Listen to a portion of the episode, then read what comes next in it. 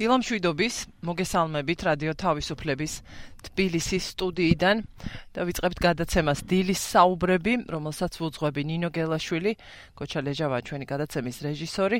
დილის საუბრებში დღეს ჩვენ ვილაპარაკებთ ქვეყანაში არსებულ სოციალურ მდგომარეობაზე, სიღარიბეზე, სახელმწიფოს პოლიტიკაზე, გამოცხადებულზე და ასევე იმაზე, რაც არის რეალურად. ასევე გეტყვით, რომ დღეს წარმოგიდგენთ ჯერ სტუმარს. ბატონ ლაზარე ჯიბლაძეს რომელიც გახლავთ ადამიანის უფლებათა ცენტრის ანალიტიკოსი დილამშვიდობის დილამშვიდობის მოგესალმებით. აა დღეს პარლამენტში საგაზაფხულო სესიის ფარგლებში დეპუტატების წინაშე წარდგება ეკატერინე ტიკარაძე ჯანდაცვის მინისტრი მინისტრის საათის ფორმატში მოусმენენ მას და ასევე დღეს და თებერვალშივე დაგეგმილია ფინანსთა მინისტრის მისვლაც პარლამენტში ასეთივე ფორმატში.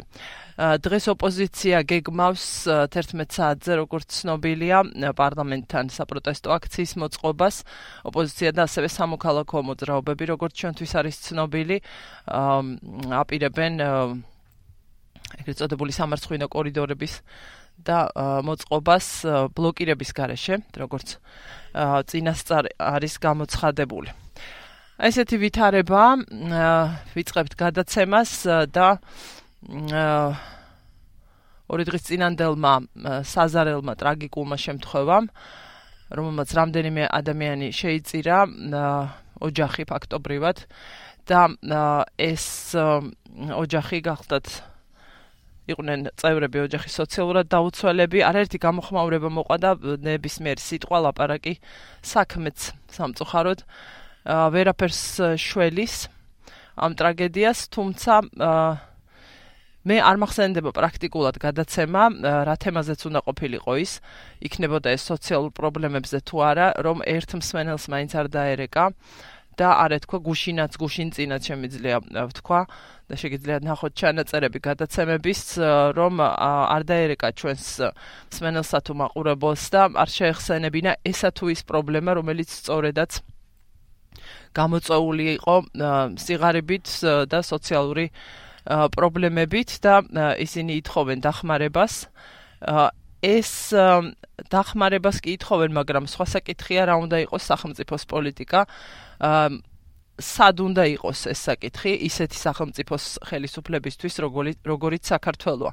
ბრავალგვარი მიდგომა და ხედვა არსებობს ბატონო ლაზარე, მოგეხსენებათ მემარჯვენე მემარცხენული თუ როგორიც გნებავთ, მაგრამ ფაქტია რომ ეს მოცემულობა ქვეყანაში და არ შეიძლება ვილაპარაკოთ ამ საკითხზე ისე რომ გვერდი ავუაროთ და ეს ყველაფერი ვთქვათ განვიხილოთ სოლიდარობის საკითხის გარეშე.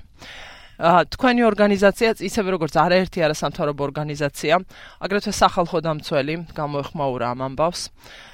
და ისევ დაიწყო მსჯელობა გახსენება იმისა მათ შორის ცნობილი ცნობილი ბევრი თვალსაზრისით და მნიშვნელობით პირველ რიგში რა თქმა უნდა UNICEF-ის ანგარიშისა 2017 წლის სადაც არის სწორედ ლაპარაკი სადაც ასახულია სურათი ქვეყანაში არსებული მდგომარეობის და ბავშვების მდგომარეობის და ბავშვების სიღარიბის მოსახლეობის კეთილდღეობის კვლევას გულისხმობ და ასევე ხელთ მაქვს საქართველოს მთავრობის სამთავრობო პროგრამა. რამდენიმე პროგრამას ნახავთ საქართველოს მთავრობის საიტზე. ერთ-ერთი არის რას გულისხმობ ერთსა და იმავე პერიოდს რომ ფარავს ყველაზე ბოლო ამობეჭდე 2019 ბოლო ვერსია. 2019-20 წლების და საუბრის განმავლობაში ასე ვთქვათ შევეხები ამასაც. აა როგორ ხედავთ თქვენ ამ ვითარებას? ბევრჯერ თქმულა რომ სახელმწიფო ბიუჯეტი და ვერც ერთი სახელმწიფო ასეთი მასშტაბის აა ვთქვათ სიღარიბის და გაჭირვების პრობლემას ვერ მოაგვარებს და რომ კეთდება რაც შესაძლებელია თუმცა ჩვენ ასევე ვუყურებთ და კითხვები ჩნდება მინიმუმ არათანმიმდევრულ პოლიტიკაზე, მათ შორის ორიოდე დღის წინ თუ არ ვწდები ვლაპარაკობდით სოციალური მუშაკების გათავისუფლების პროცესზე.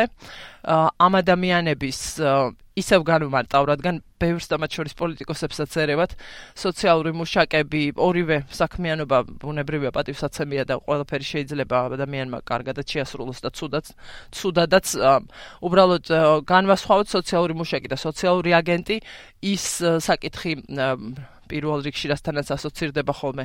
ეს ორივე სახელწოდება არის ქულების მინიჭების საკითხი, როცა ისაზღვრება მოქალაქის საჭიროებები და სოციალური აგენტი ასრულებს ამ სამუშაოს, სოციალური მუშაკები კი არიან ფაქტობრივად რეალური ცოცხალი რგოლები, ეს არის რეალური ცოცხალი რგოლი ეს ინსტიტუტი, რომლითაც სახელმწიფო ასე ვთქვათ, უკავშირდება სახელმწიფო უკავშირდება ამ პირიქით საჭიროების მქონე ადამიანის ზომავს, აფასებს ამა თუ იმ ადამიანის, მათ შორის ბავშვების საჭიროებებს და ეს არ ეხება ყოველთვის მატერიალურ საჭიროებებს, ბევრ სხვა რამესაც კიდევ და სხვა ტიპის დახმარებას და როგორც იცით, ახლა მიმდინარეობს გათავისუფლება.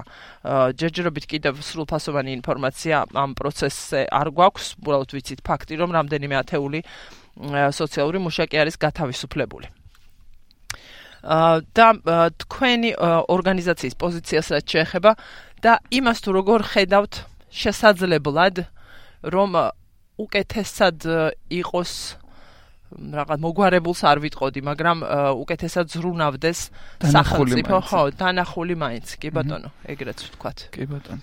პირველში გამიგრძელდა. აა მინდა რომ დავიწყო ჩემი გულწრფელი სამძიმრით დაღუპულთა ოჯახების და ახლონათესავების მხრიდან მიმართ აა მართალია ამ კონკრეტულ შემთხვევაში ვერ შევძელით მათზე დახმარება და აა მაგრამ ანუ აა აუცილებელია ზუსტად აი ამ პრობლემებზე ასეც ისაუბრეთ და აუცილებელია რომ კონსენსუსი არსებობდეს ამ პრობლემების დანახვასთან მიმართებაში საზოგადოების ყველა ჯგუფში, ყველა წრეში. ყველა ჩვენი წილი პასუხისმგებლობა გვაქვს, როგორც მედიას, ისე არასამთავრობო ორგანიზაციებს, მაგრამ ყველაზეძლიერად ეს პასუხისმგებლობა ამ პასუხისმგებლობას უნდა გრძნობდეს ის მართველი ძალა, რომელიც ხელისუფლებაშია. და რომელიც ხელისუფლებაში მოვიდა, მათ შორის იმ კატასტროფული სიღარიბიდან გამომდინარე გაბრაზებული ხალხის ხმებით, რომლებსაც უკეთესი მომავლის იმედი ჰქონდათ. და რომელთაც ყოფიერ ცხოვრებაშიც ხედავთ, რომ ბევრი არაფერი შეცვლილა. ეს არ არის შეიძლება არ დავიყვანოთ კონკრეტული დაუშვათ პარტიული ჯგუფების პრობლემამდე, მაგრამ ეს არის ზოგადი პრობლემა, რომელიც ჩვენ სოციუმში არსებობს და რომლის მოწმეებიც ვართ. ამ ქვეყნის ამ ქვეყანაში მცხოვრები ხალხი. აა პირველ რიგში მინდა რომ ხაზი იმას გავუსვა, რომ აა სწორი დანახვა პრობლემის არის ერთ-ერთი გზა ერთ-ერთი წინაპირობა იმისი ანუ დამისამართებას როგორ დავიწყებ შემდგომში ამ პრობლემების და შემდგომ მოგვარებას. მართალია რომ ყოველს გვინდა შეიძლება და სურვილი გქონდეს რომ ხვალ გავიღვიძოთ და საერთოდ პრობლემები არ არსებობდეს ამ მიმართულებით და ყველა ვიყოთ სოციალურად ძლიერები და შევქნათ ეგეთი სახელმწიფო თუმცა აა ამის მიღწევა საკმაოდ რთულია დამეთანხმებით, ხო? ანუ ამიტომაც არის აუცილებელი, რომ სახელმწიფოში არსებული სოციალური დახმარების მექანიზმები არ იყოს მორგებული მხოლოდ გარკვეულ პოპულისტურ მიზნებზე. არ იყოს მხოლოდ გადაგდებული ლუკმა იმ ადამიანებისათვის, რომლებსაც მართლასაც ცოცხლად ესაჭიროებათ ეს დახმარება. და ამას კონდეც უფრო ფართო ეს დავინახოთ უფრო ფართოდ. და მიზანი იმისა, რომ ადამიანებს დღეს ვეხმარებით, ის კი არ იყოს, რომ დღეს გამოვყვებოთ ეს ადამიანები, არამედ ხვალ რომ სიღარიბიდან ამოვიყვანოთ. სწორედ ამას ვერ ხედავთ.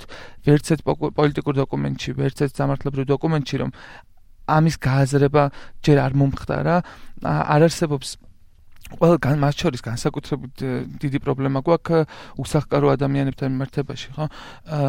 არ არსებობს ერთობლივი მისგომა. ესეც არ არის გაზომილი, ესე თუ ხეში სიტყვა სიტყვა გაზომა, მაგრამ დათვლილი და შეფასებული სათანადოდ. დიახ, ანუ ყველა ცოტა ხნის წინ ამაზე. კი, კი. კვლევებს არ ეფუძნება, ანუ საჭიროებების კვლევებს არ ეფუძნება ის პოლიტიკები, რომლებიც არსებობს თუნდაც მუნიციპალურ დონეზე და თუნდაც ცენტრალურ დონეზე.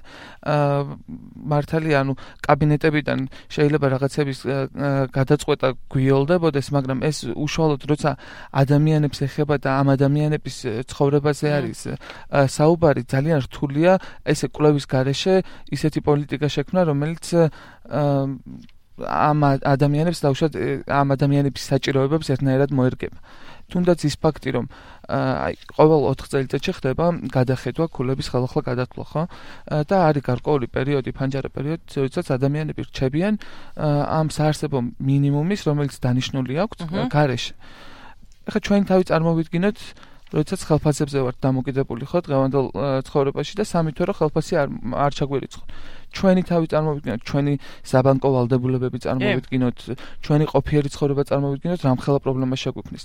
და მე ეს როცა იმართება ადამიანს, რომელიც აი ამ გარკვეულ პატარა თანხაზე არის დამოკიდებული თვიდან თვემდე იმას ზომავს რა ფული ბავშვს მოახმაროს რა ფული კომუნალურებში გადაიხადოს და რჩება სამი თვე რამდენიმე თვე ამ შემოსავლის გარეშე.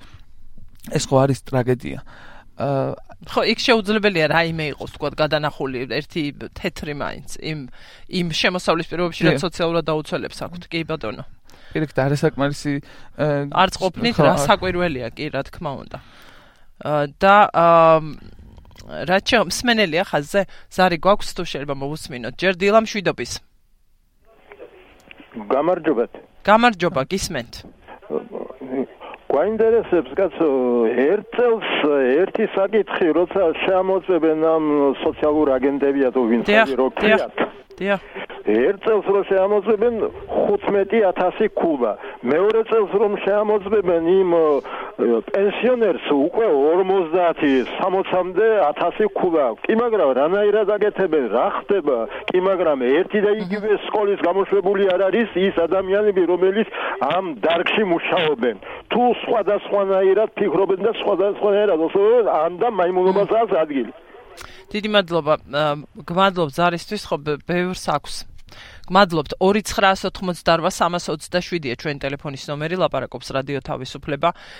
ძალიან ხშირად გაისმის უკმაყოფილება სწორედ ამ პრაქტიკის მიმართ როგორც ხდება ვთქვათ ქულების მიწერა. ამა თუ იმ მოქალაქეზე რა პრინციპი და როგორ ხდება მე სამწუხაროდ არ ვიცნობ როგორც ვიცი არის ერთი რაღაც განსაზღვრული ტიპის კითხვარი რომელსაც სადაც არ ვიცი რა რა ეს აქვს არეალი სამოძრაოდ ასე ვთქვა და ინტერპრეტაციისთვის თვითონ აგენტს.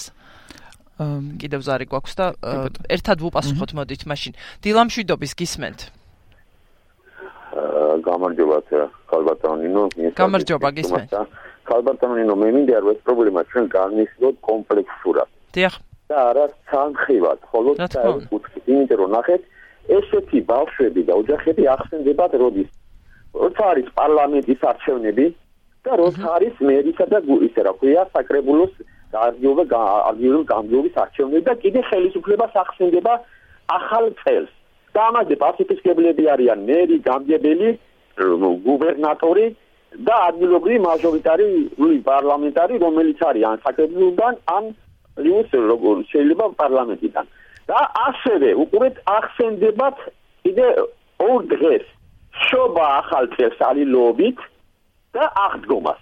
სულ არის 6 დღესასწაული, საიდანაც 4 არის ყოველწლიური და 2 პარლამენტის არჩევნები და მეისა და გასაკრებულოსი ეს არის უკვე 4 წელიწადში ერთხელ.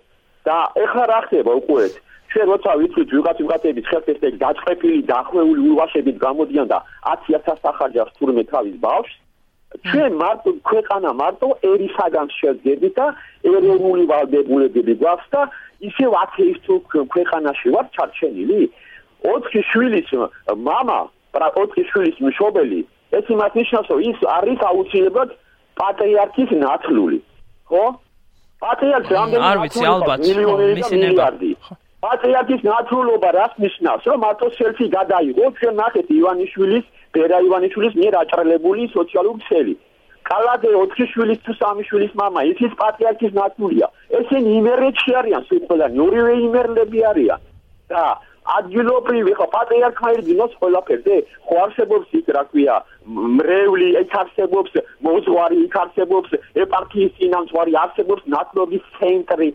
და რატომ უნდა იყოს ამ სიტუაციაში? აი თან ახეთ პატრიარქი რაც გვეუბნება ჩვენ რომ მე შვეიცარიაში რო ვიყავიო იმ თავრობასო პრობლემას აქვს ოპოზიცია აქვს შეულიო პრობლემაო. ისინი ძახიან ჩვენი ოპოზიცია პრობლემა არის და ჩვენ კიდე ოპოზიცია თუ ვიქცევთ ერთმანეთს პრობლემების გასამრავლებლად, მაგრამ პატრიარქი უსმენს ვინმე? პატრიარქი მიდის ისეთ ადგილებში, რომ გაიგოს რა არის ქვეყნის საკეთილო, მაგრამ ჩვენი ჩარჩი ბიზნესები და პოლიტიკოსები ისთვის მიდიან საზოგადოებაში ევროპაში როის სატარებლად რესტორნებში, კაფეებში, სარესტიპებში და როგორ რატომ და მივდგეთ მარტო ერთი კუთხით აი ეს მილიონერი ნაცვლები ვარიან პატრიარქისზე.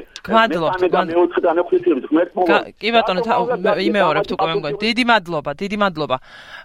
ზარისთვის, რა თქმა უნდა, ჩვენმა სტუმარმაც აღნიშნა, რომ ეს საკითხი არ შეიძლება იყოს თქვა რაღაც სახელმწიფოს ან საზოგადოების ერთი ჯგუფის პასუხისმგებლობა, თუმცა დღეს ჩვენ მაინც ვლაპარაკობთ ხელისუფლების პასუხისმგებლობაზე, იმ ხელისუფლებისა, რომელსაც ევალება ეფექტიანად შეჭიდება მინიმუმ ასეთ საკითხებთან ამისთვის არ მიყვარს ხოლმე ამას პოლიტიკოსები ამბობენ ხშირად.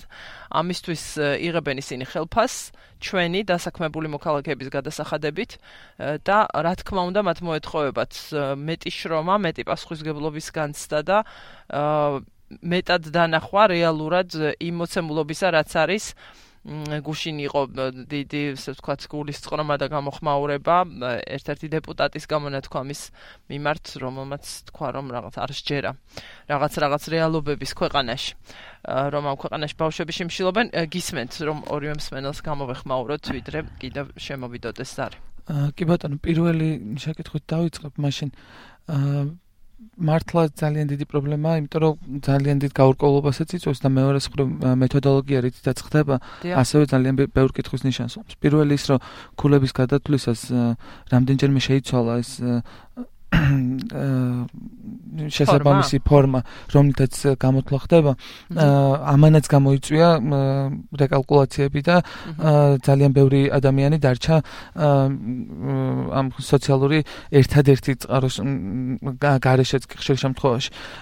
სოციალური უზრუნველყოფის საბიუჯეტო ესე იგი ყოველწლიურად ბიუჯეტში შეიძლება წილი ყოველწლიურად იზრდებოდეს ამ დაფინანსების, მაგრამ მეორე მხრივ სიღარიბეც უცვლელი რჩება ამ მიმართულებით და ამას კვლევებიც ადასტურებს. შესაბამისად, ანუ ის თანხა, რომელიც გამოყოფილია, ვერ ფარავს იმ მოთხოვნას, რომელიც ამ მიმართულებით არსებობს.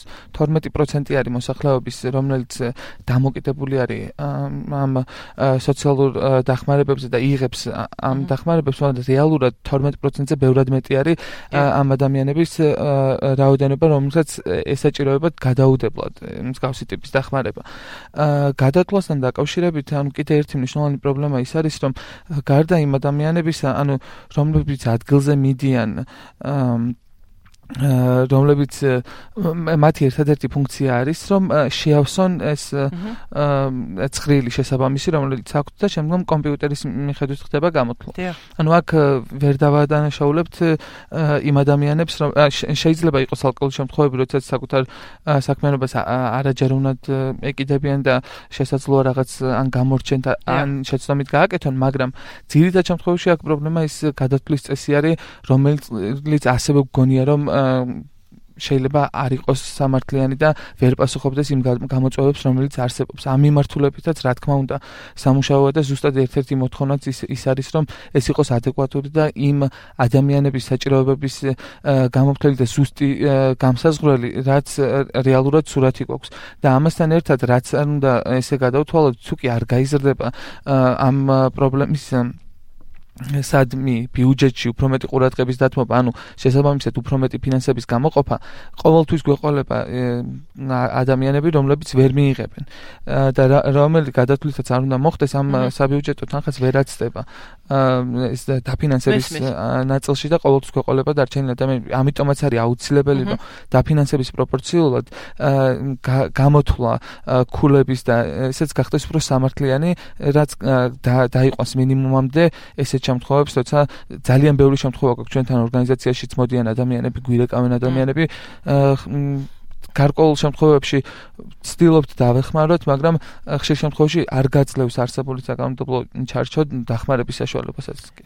იმის რომ სამართლებრივად გაასწორო ეს საკითხი? ანუ თქვენ ვერ ეხლა ბაზა არსებობს ამ ქულების და ანუ ზემოქმედება, ანუ შეიძლება ხელახალი გადათვლა მოითხოვა, მაგრამ საბოლოო ჯამში სურათს ერთად ვერ ცვლის.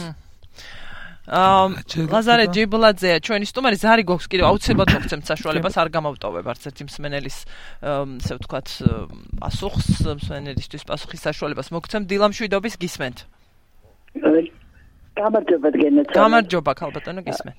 იცით რა არის? შევარდნა ძიდროს ყოველ ბავშვზე 8 წლამდე იყო დახმარება ყველა ბავშვზე. რაკნან იმ ბავშვებმა, ვინც არ სოციალურ დახმარებას იღებენ, ფაქტიურად უჭირთ და კულები კულები ერთი გარდერობი რო უნახონ სახში და ერთი მასივარი არ აი ის ყველა ბავშვზე უნდა იყოს გათვლილი თვითეულ ბავშვზე საქართველოს ყველა ბავშვზე უნდა იყოს ის დახმარება გათვლილი და არა მხოლოდ აი ვიც აღიარებულია ზოგი ისეთია სოციალური დაუცველად აღიარებული რომ სულაც არ უჭირს იმას და ფაქტიურად გაჭირვებულები ვერ აღწევენ ამ სტატუსის მინიჭებას. რაკნან ასეთმა ბავშვებმა დიდი მადლობა. გმადლობთ ქალბატონო რომ დაგვირეკეთ 2988327-ია ჩვენი ტელეფონის ნომერი. რადიო თავისუფლების დილის საუბრებს უსმენთ თქვენ რომელშიც დღეს ვლაპარაკობთ საქართველოსი მოსახლეობის სოციალურ მდგომარეობაზე, სიღარიბეზე, ამის მიზეზებზეც ვილაპარაკებთ ჩვენ მომდევნო ეთერებში. დღეს კი ვლაპარაკობთ იმაზე თუ რა შეიძლება დღესვე იყოს როგორც თქვა უკეთესად მოგვარების და ერთი რომ მიტყვენ ხელის დარტყმით ამ ყველაფრის მოგვარების ილუზია არავის აქვს ბუნებრივია. ჩვენი სტუმარი გახლავთ ადამიანის უფლებათა ცენტრის ანალიტიკოსი გუშინ ამ ორგანიზაციამაც როგორც არაერთმა სხვამ გაავრცელა განცხადება გამოეხმაურა იმ ერთი მხრივ პირველ რიგში ტრაგედიას რაც ორი დღის წინ მოხდა და რამაც კიდევ ერთხელ გააღვიძა სჯელობა ამ პრობლემებზე. ზარია კიდევ? მოვუსმინოთ კიდევ ერთ ზარს. დილამშვიდობის გისმენთ. მოგება ხალბატონო. ხალბატონო, ასე რომ დავისვათ ამ საკითხის განხილვათ, ყველა ადამიანს ხოჭირება სასიცოცხლო მინიმუმი ქალათას რო ითქვია. და არის მერე შემოსავალი ოჯახისა, რომელიც აი ოჯახის წევრებზე განაწილდება. და თანაბრად თუ აკმაყოფილოს რა შემოსავალი აი ამ ქალათას. ეს თუ გარის გათვალისწინებული აი კვლევების პერიოდში როცა გამოვიდივარ თქვა ეგე ოჯახს უჭირს და არ ყოფილსო და მე ბავშვს დავხმარდო მაგრამ ამას ხო არ მაგრამ ამას ხო გავლენას ახდენს ხელფასი სახელმწიფო მინიმუმის მე სახელმწიფოს მიერ არის სტადიონი და მე წარმოებული პროდუქცია და მისი სამართლიანი განაწილება. აი მისი აი ამ უსამართლობის საფუძველი ფაქიდან იწყება. აი ამას უნდა მიეხდოს ერთადან, თორე ასე ყოველთვის იქნება გაჩვენებული და ყოველთვის ახსა ხან ვიღაცას მიუგდეთ ხოლმე ნიხი, მაგრამ თუ მისი შრომის პირობები არ განცდა, თუ სახელმწიფოს შემოსავალი არ გაიზარდა, ოჯახის ბიუჯეტი არ გაიზარდა, მახვარმას, მაგრამ საიდან გაიზარდა, როდესაც ქვეყანა დამოკიდებულია მხოლოდ და მხოლოდ შემოსავალ შემოსულ პროდუქციაზე, გრანდაზე. აი ჩემსური დაცლილია, კალბატონ, ყოველი მეს მესამე მეოთხე ოჯახი გამოკეტილია. მიწები არ მუშაობა ხალხი არ შრომობს სამუშაოს ეგერ თურქეთში გარბის ანდა უყურებს ჩაის იმ საქმეა თხილის მოსავლის აღების პროცესა ყურძნის საქმეფად გარბის კახეთში და როდესაც არ იქნება დასაქმება თუ ქვეყანაზე არის და მე აი ამ შემოსული პროდუქტის სამართლიანი განაწილება არ იქნება. არ იქნება თქვა მინის 10-ში 20-ში მეტი ხელფასი.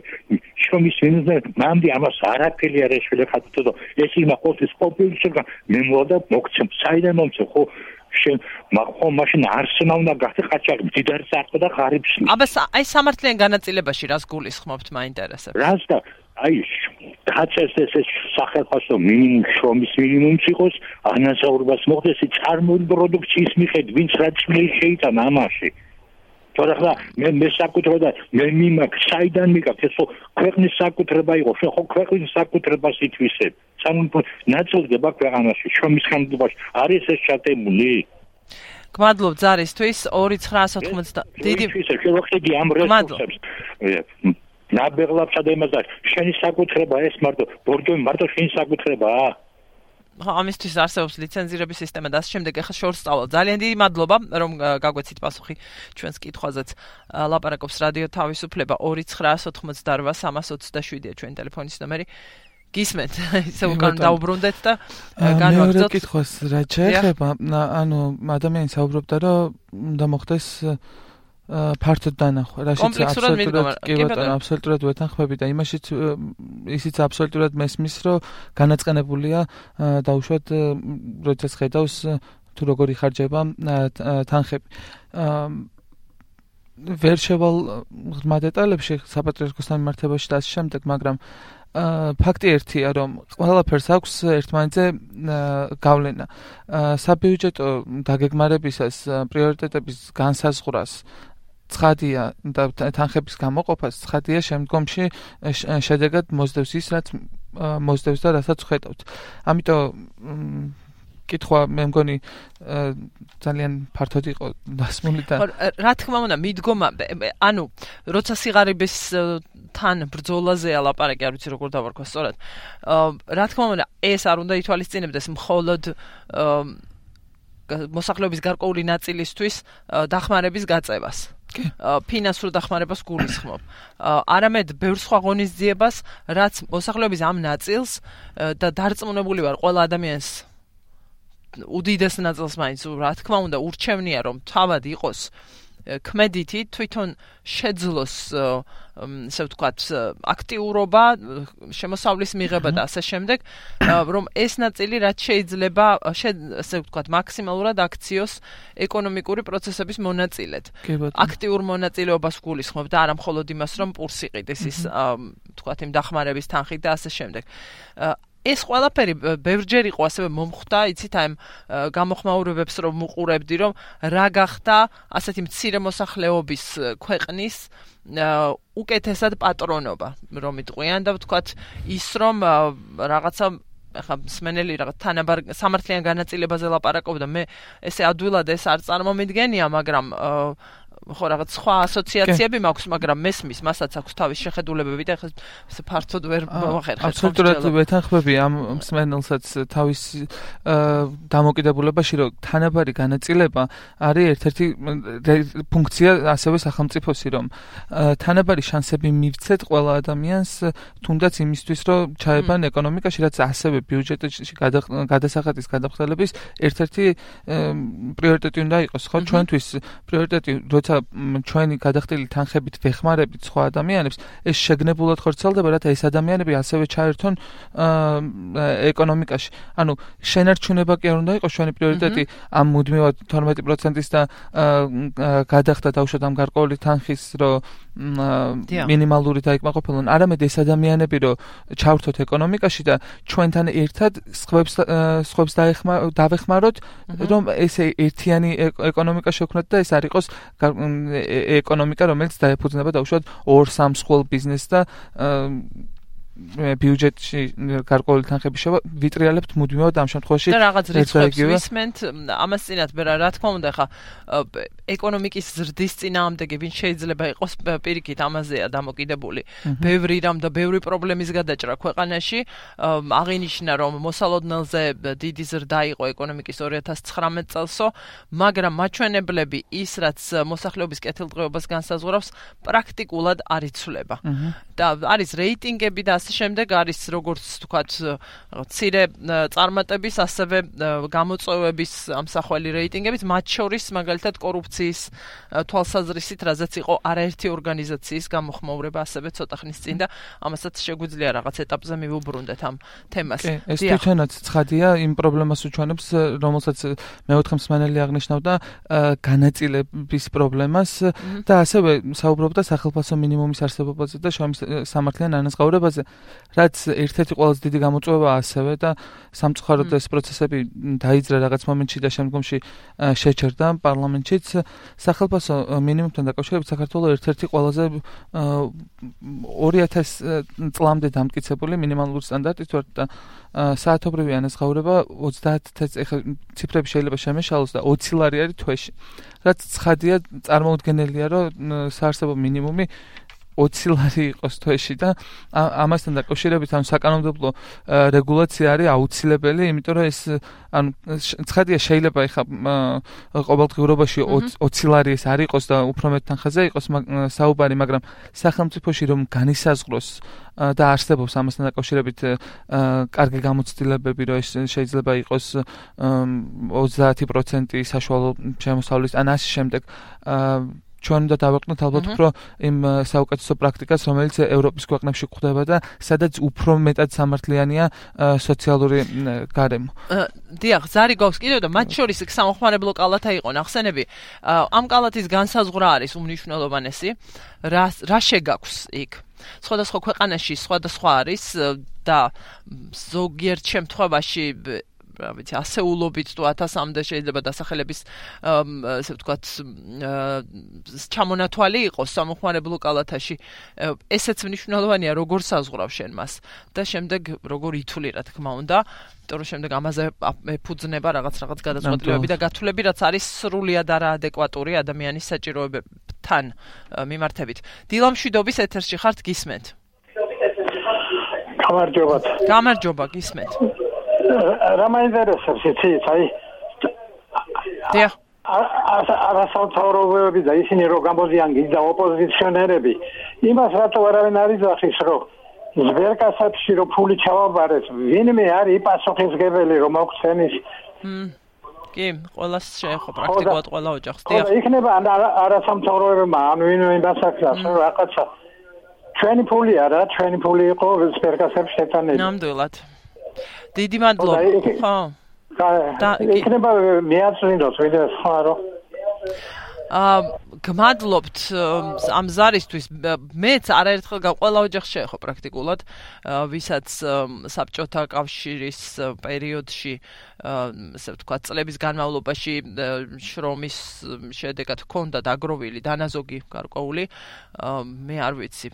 პრაქტიკულად ოჯახს არ ვიცნობ რომელსაც ეს არ შეხებია ჩემი ჩათვლით ჩემი მშობლების გულისხმობ ცირე იყო, დიდი იყო და ნაზოგი რა მნიშვნელობა აქვს ადამიანებს პრაქტიკულად ერთ დღეში გაუფასურდათ და დაეკარგათ თავიანთი თანხები. მე არ ვიცი მაგალითად, ეს საინტერესოა, არ ვიცი რა მექანიზმი, ან ვინმე თუ მუშაობს ამაზე, კიდევ ვინმეს თუ აქვს ამის იმედი, რომ ამის დაბრუნება შესაძლებელია. ეს ერთ-ერთი ნაწილი იყო იმ როგორ თქვა, იმ პერიოდისა, როცა ადამიანების მცირე ჯგუფმა დღესაც რომ არაერთი მათგანი წარმატებით წარმატებულ ბიზნეს საქმიანობას ეწევა, მოახერხა რაღაცნაირად, არ ვიცი, მეტი ინფორმაცია ჰქონდა თუ მარიფათი თუ მოხერხება, არ ვიცი, გაბედულება და უსინდისობაც ვიტყვი, არ მომერიდები ამ სიტყვას. ხო, ეს რაღაცნაირად ისე მოხდა, რაღაც ფოკუსივით იყო.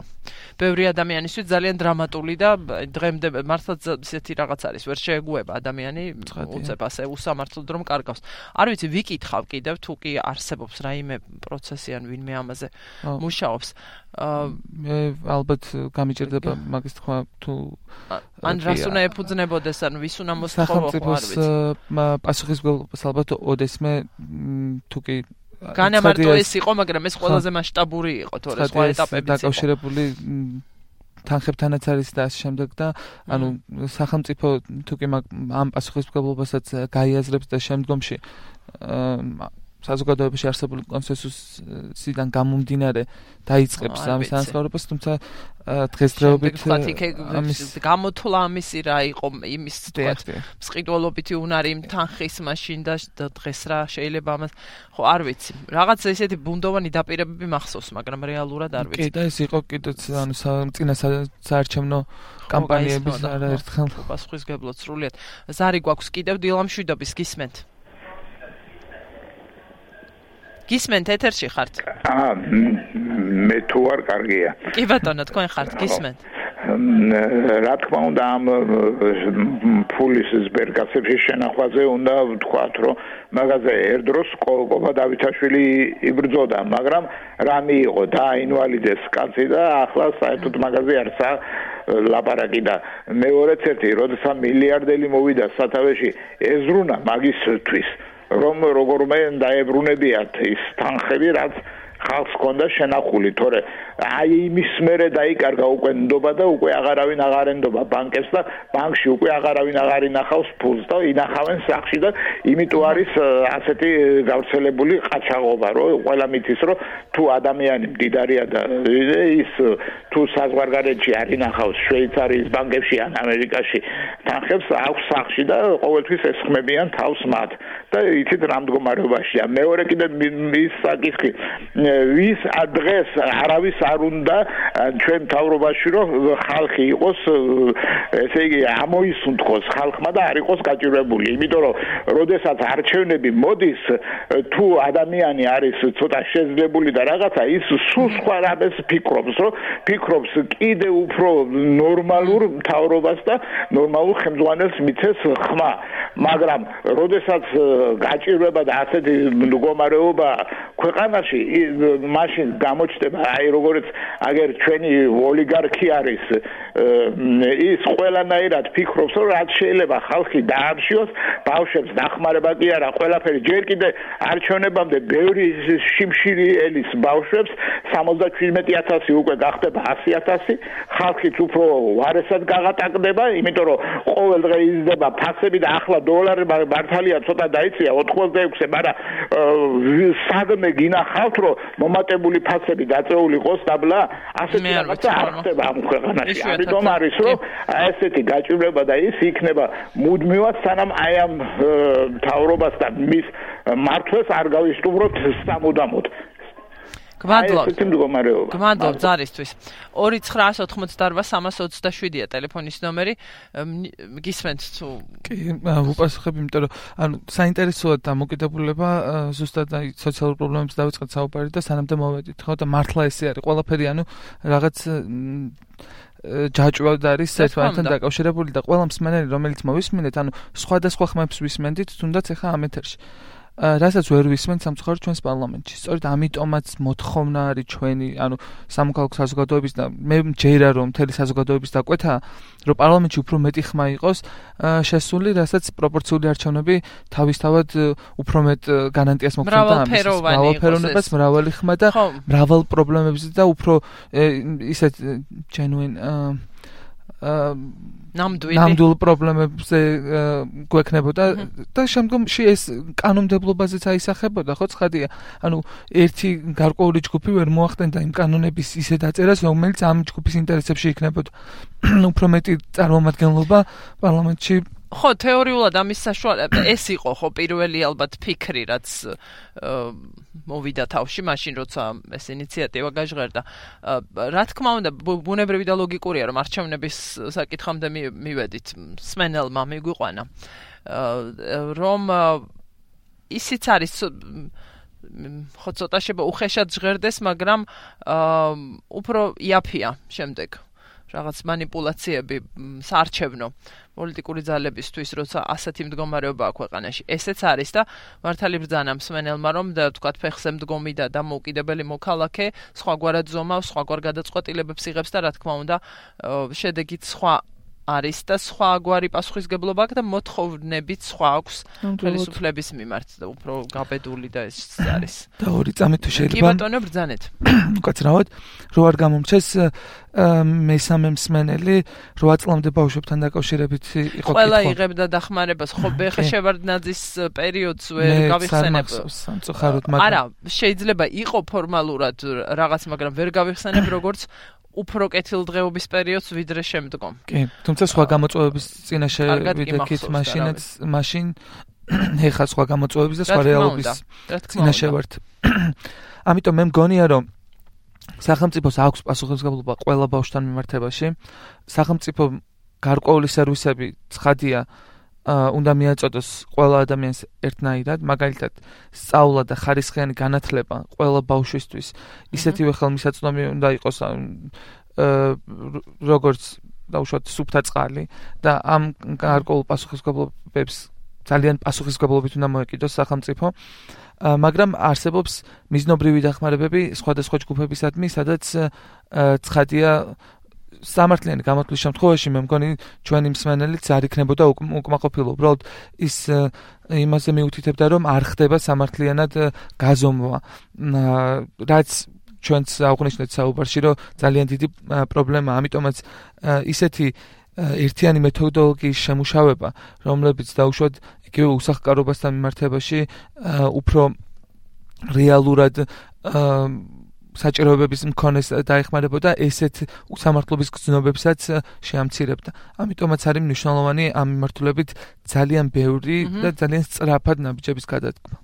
და არ ეს არის ის საკითხი ჩვენ ხშირად ვლაპარაკობთ ამ ეთერებშიც ზოგადად მედიაში წერთ და ასე შემდეგ არა მარტო ამაზე მაგრამ ხშირად ვიხილავთ რაც ასევე მნიშვნელოვანია რა თქმა უნდა ამა თუ იმ თქვა პოლიტიკურ საკითხს იმას თუ რა იწევს თქვა პოლიტიკურ ზალთა შორის დაპირისპირებას, პოლარიზაციას ასე შემდეგ და მსჯელობთ ამ ყველაფერზე და რეალ და ახლაც ერთ-ერთი მთავარი თემა და საკითხი ხომ?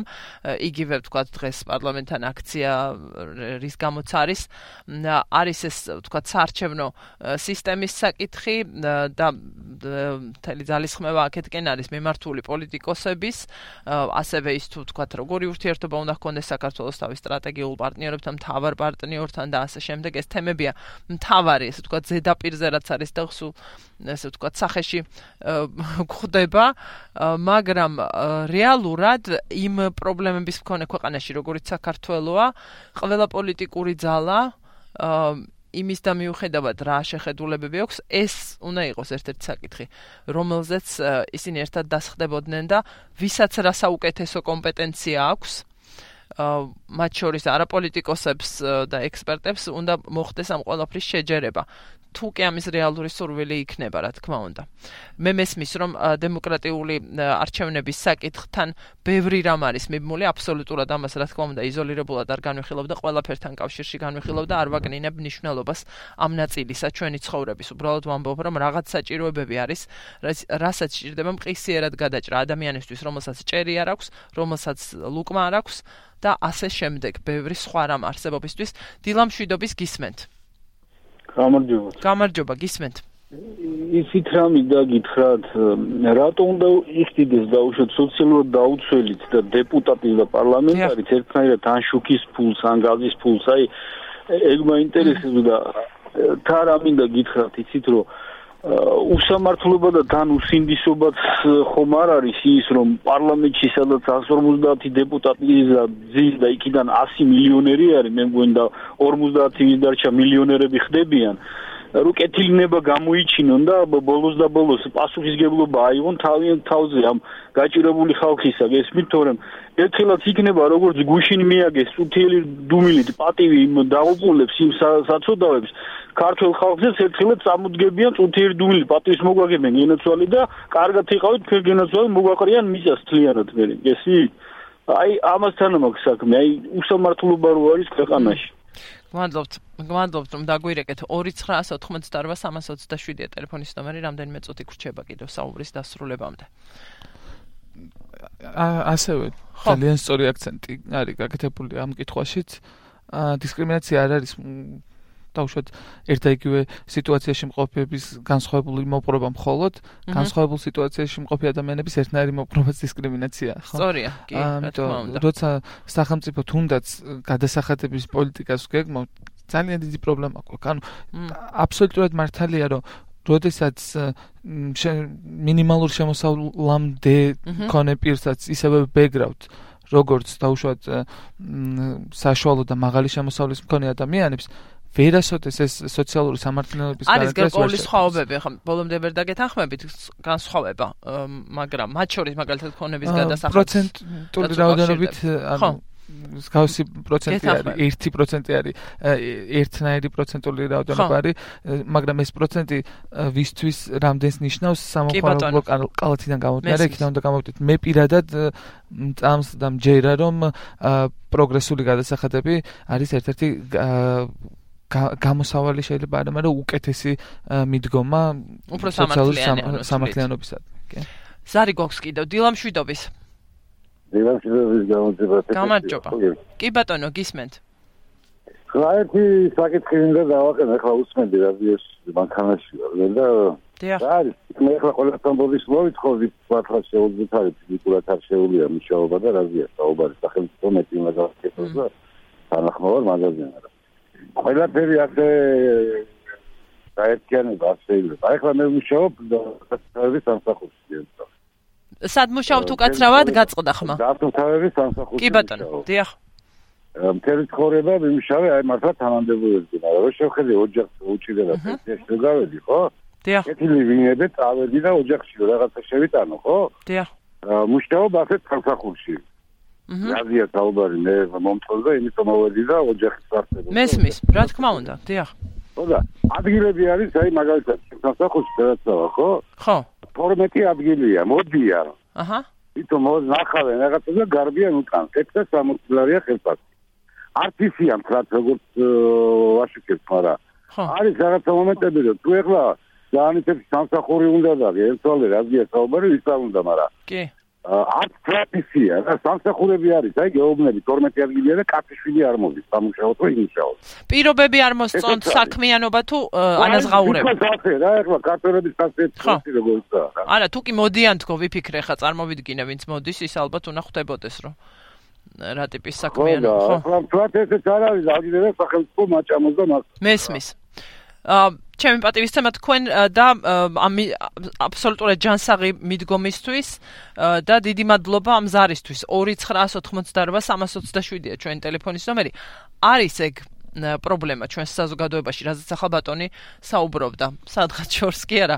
ძალიანაც კარგად ვიცი ეგ ამბავი კი ესეც ცხადია და ხო ერთგვაროვანი მიდგომა ნამდვილად არ უნდა იყოს არ ვიცი არ გვითქვამს მგონი. მაგრამ არც ეს ასე მიდგომი ვარ დიდი მადლობა. არა ხო აქ ჩვენ მინიმუმზე საუბრობდით რომ ანუ ის ადამიანებიც კი რომლებიც დაუშვათ არასწორად მაგრამ ითაკილებენ ან ასე შემდეგ ეს ადამიანებიც კი ამის გამოც კი რომ ციტაკილონ არ გავწიროთ საშემშელოთ ხო რაღაცა მინიმუმი უნდა არსებობდეს რომ ეს ადამიანი ამ ადამიანებს სამომავლოდ მაინც მივცეთ შანსი. აბსოლუტურად იმაშიც ცხადია ვეთანხმები რომ არსებობს ეგეთი პრობლემაც სტერეოტიპებიც არსებობს სტერეოტიპული აზროვნებაც არსებობს ჩვენი საზოგადოებისთვის დამახასიათებელი გარკვეული ნიუანსებიც ვიცით არის ეგ პრობლემაც და ამ ამ პრობლემას ალბათ უფრო საფხედველური ცვლილებები გადაჭრის ჩემს სამსახურთან ახალგაზრდა ბიჭი ყოველდღიურად გვის და მასთან ლაპარაკის შემდეგ გავიგე რომ ადამიანები მიდიან და ეუბნებიან რომ უი შესაძოდაო ეს რა მოგივიდა და ამ შემდეგ. ანუ დამოკიდებულება შრომელისადმი არ არის ისეთი როგორც უნდა იყოს. და ეს ბავშვი საკუთარი სწავლის სწავლის მოსაბრობს გამოხატვის მის მიმართ. კი რაც ანუ შრომა არც ერთი შრომა სათაკელო არ არის და ეს სხვანაირად გავიაზროთ ალბათ ყველა ჩვენ რომ ხო და არის ისიც ახლა ცოტა ის ფილოსოფია არ მინდა ის მასში წავიდე მაგრამ არის ვითარებები როცა ვთქვათ შენთვის საუკეთესო არჩევანი არ გეძლება კონკრეტულ ადამიანს შენი შესაძლებლობებისთვის როგორც თვლი თავს ხო? მაგრამ გეძლება რაღაც შესაძლებლობა და მეც სწორედ ბატონის პოზიციაზე ვარ რომ რა შესაძლებლობაც გეძლება და თუ კი რა მე უნარი გაქვს იმ წუთას რომ გააკეთო და კონდეს შემოსავალი და ვთქვათ სულ არაფერს რა ვთქვათ გარკვეულს ის პერიოდი რაღაცა დროებით შეიძლება ხანგრძლივადაც შეიძლება სულაც ისე მოგეწონოს შემდეგ რომ პენსიამდე იმუშაო და პენსიის შემდეგაც საპენსიო ასაკის შემდეგაც მე ამას ვემხრობი რომ ყოველთვის უნდა რაღაც აკეთო. თუ კი უნარი გაქვს ამისი. მაგრამ ჩვენ დღეს ვლაპარაკობდით აი ორი წუთი გრჩება საუბრის დასრულებამდე მინდა კიდევ ერთი რამის თქმა რომ ესე ვთქვათ ერთი ვახსენე სამხმარებლო კალათსაც როგორ შეადგენდა როგორ დათვლი.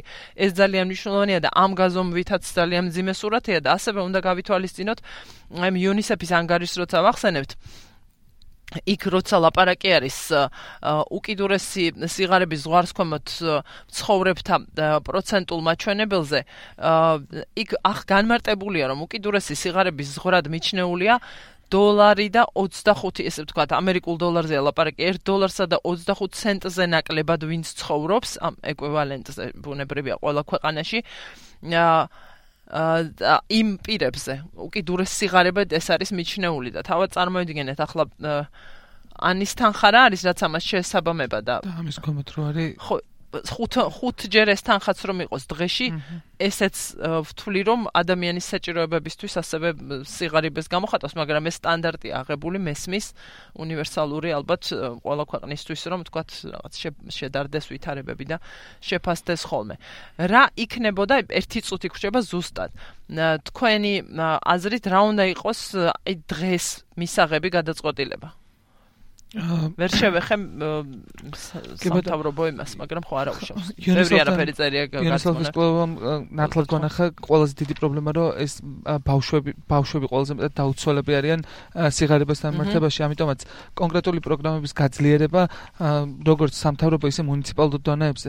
ამიტომაც როდესაც ჩვენ საუბრობთ რომ კლუბას არ ეფუძნება არც მუნიციპალური, არც ცენტრალური პროგრამები, რომლებიც მაგალითად სოციალურად მოწყობილ პირთა საჭიროებებს საერთოდ ამ კლუბებს მიუხედავად არსებობს და ეს რო კლუბებს ეფუძნებოდეს შეიძლება ამ არსებული ბიუჯეტითაც უფრო მეტი რამ გავაკეთოთ. რა თქმა უნდა. ანუ პირველი ეს არის უკეთესად დანახვა და მუნიციპალიტეტებს ძალიან დიდი როლი აქვს თამაში. აა თუკი მოისურვებენ, ხო? და დღეს ვასრულებთ. დღეს ვასრულებთ ამაზე საუბარს. დიდი მადლობა ლაზარე ჯიბლაძე, ადამიანის უფლებათა ცენტრის ანალიტიკოს. დიდი მადლობა ჩვენს აუდიტორიას. რადიო თავისუფლების დილის საუბრებს უსმენდით. თქვენ უძღვებოდი ნინო გელაშვილი. მე გემშვიდობებით ხვალამდე. ჩვენი გადაცემები გავა დღეს მაესტრო სიხშირეზე 19 საათზე საღამოს თავისუფლება 23 საათზე ეხო კავკაზას გამოშვებას მოისმენთ და მოდით გნახეთ ინტერნეტში ლაპარაკობს რადიო თავისუფლება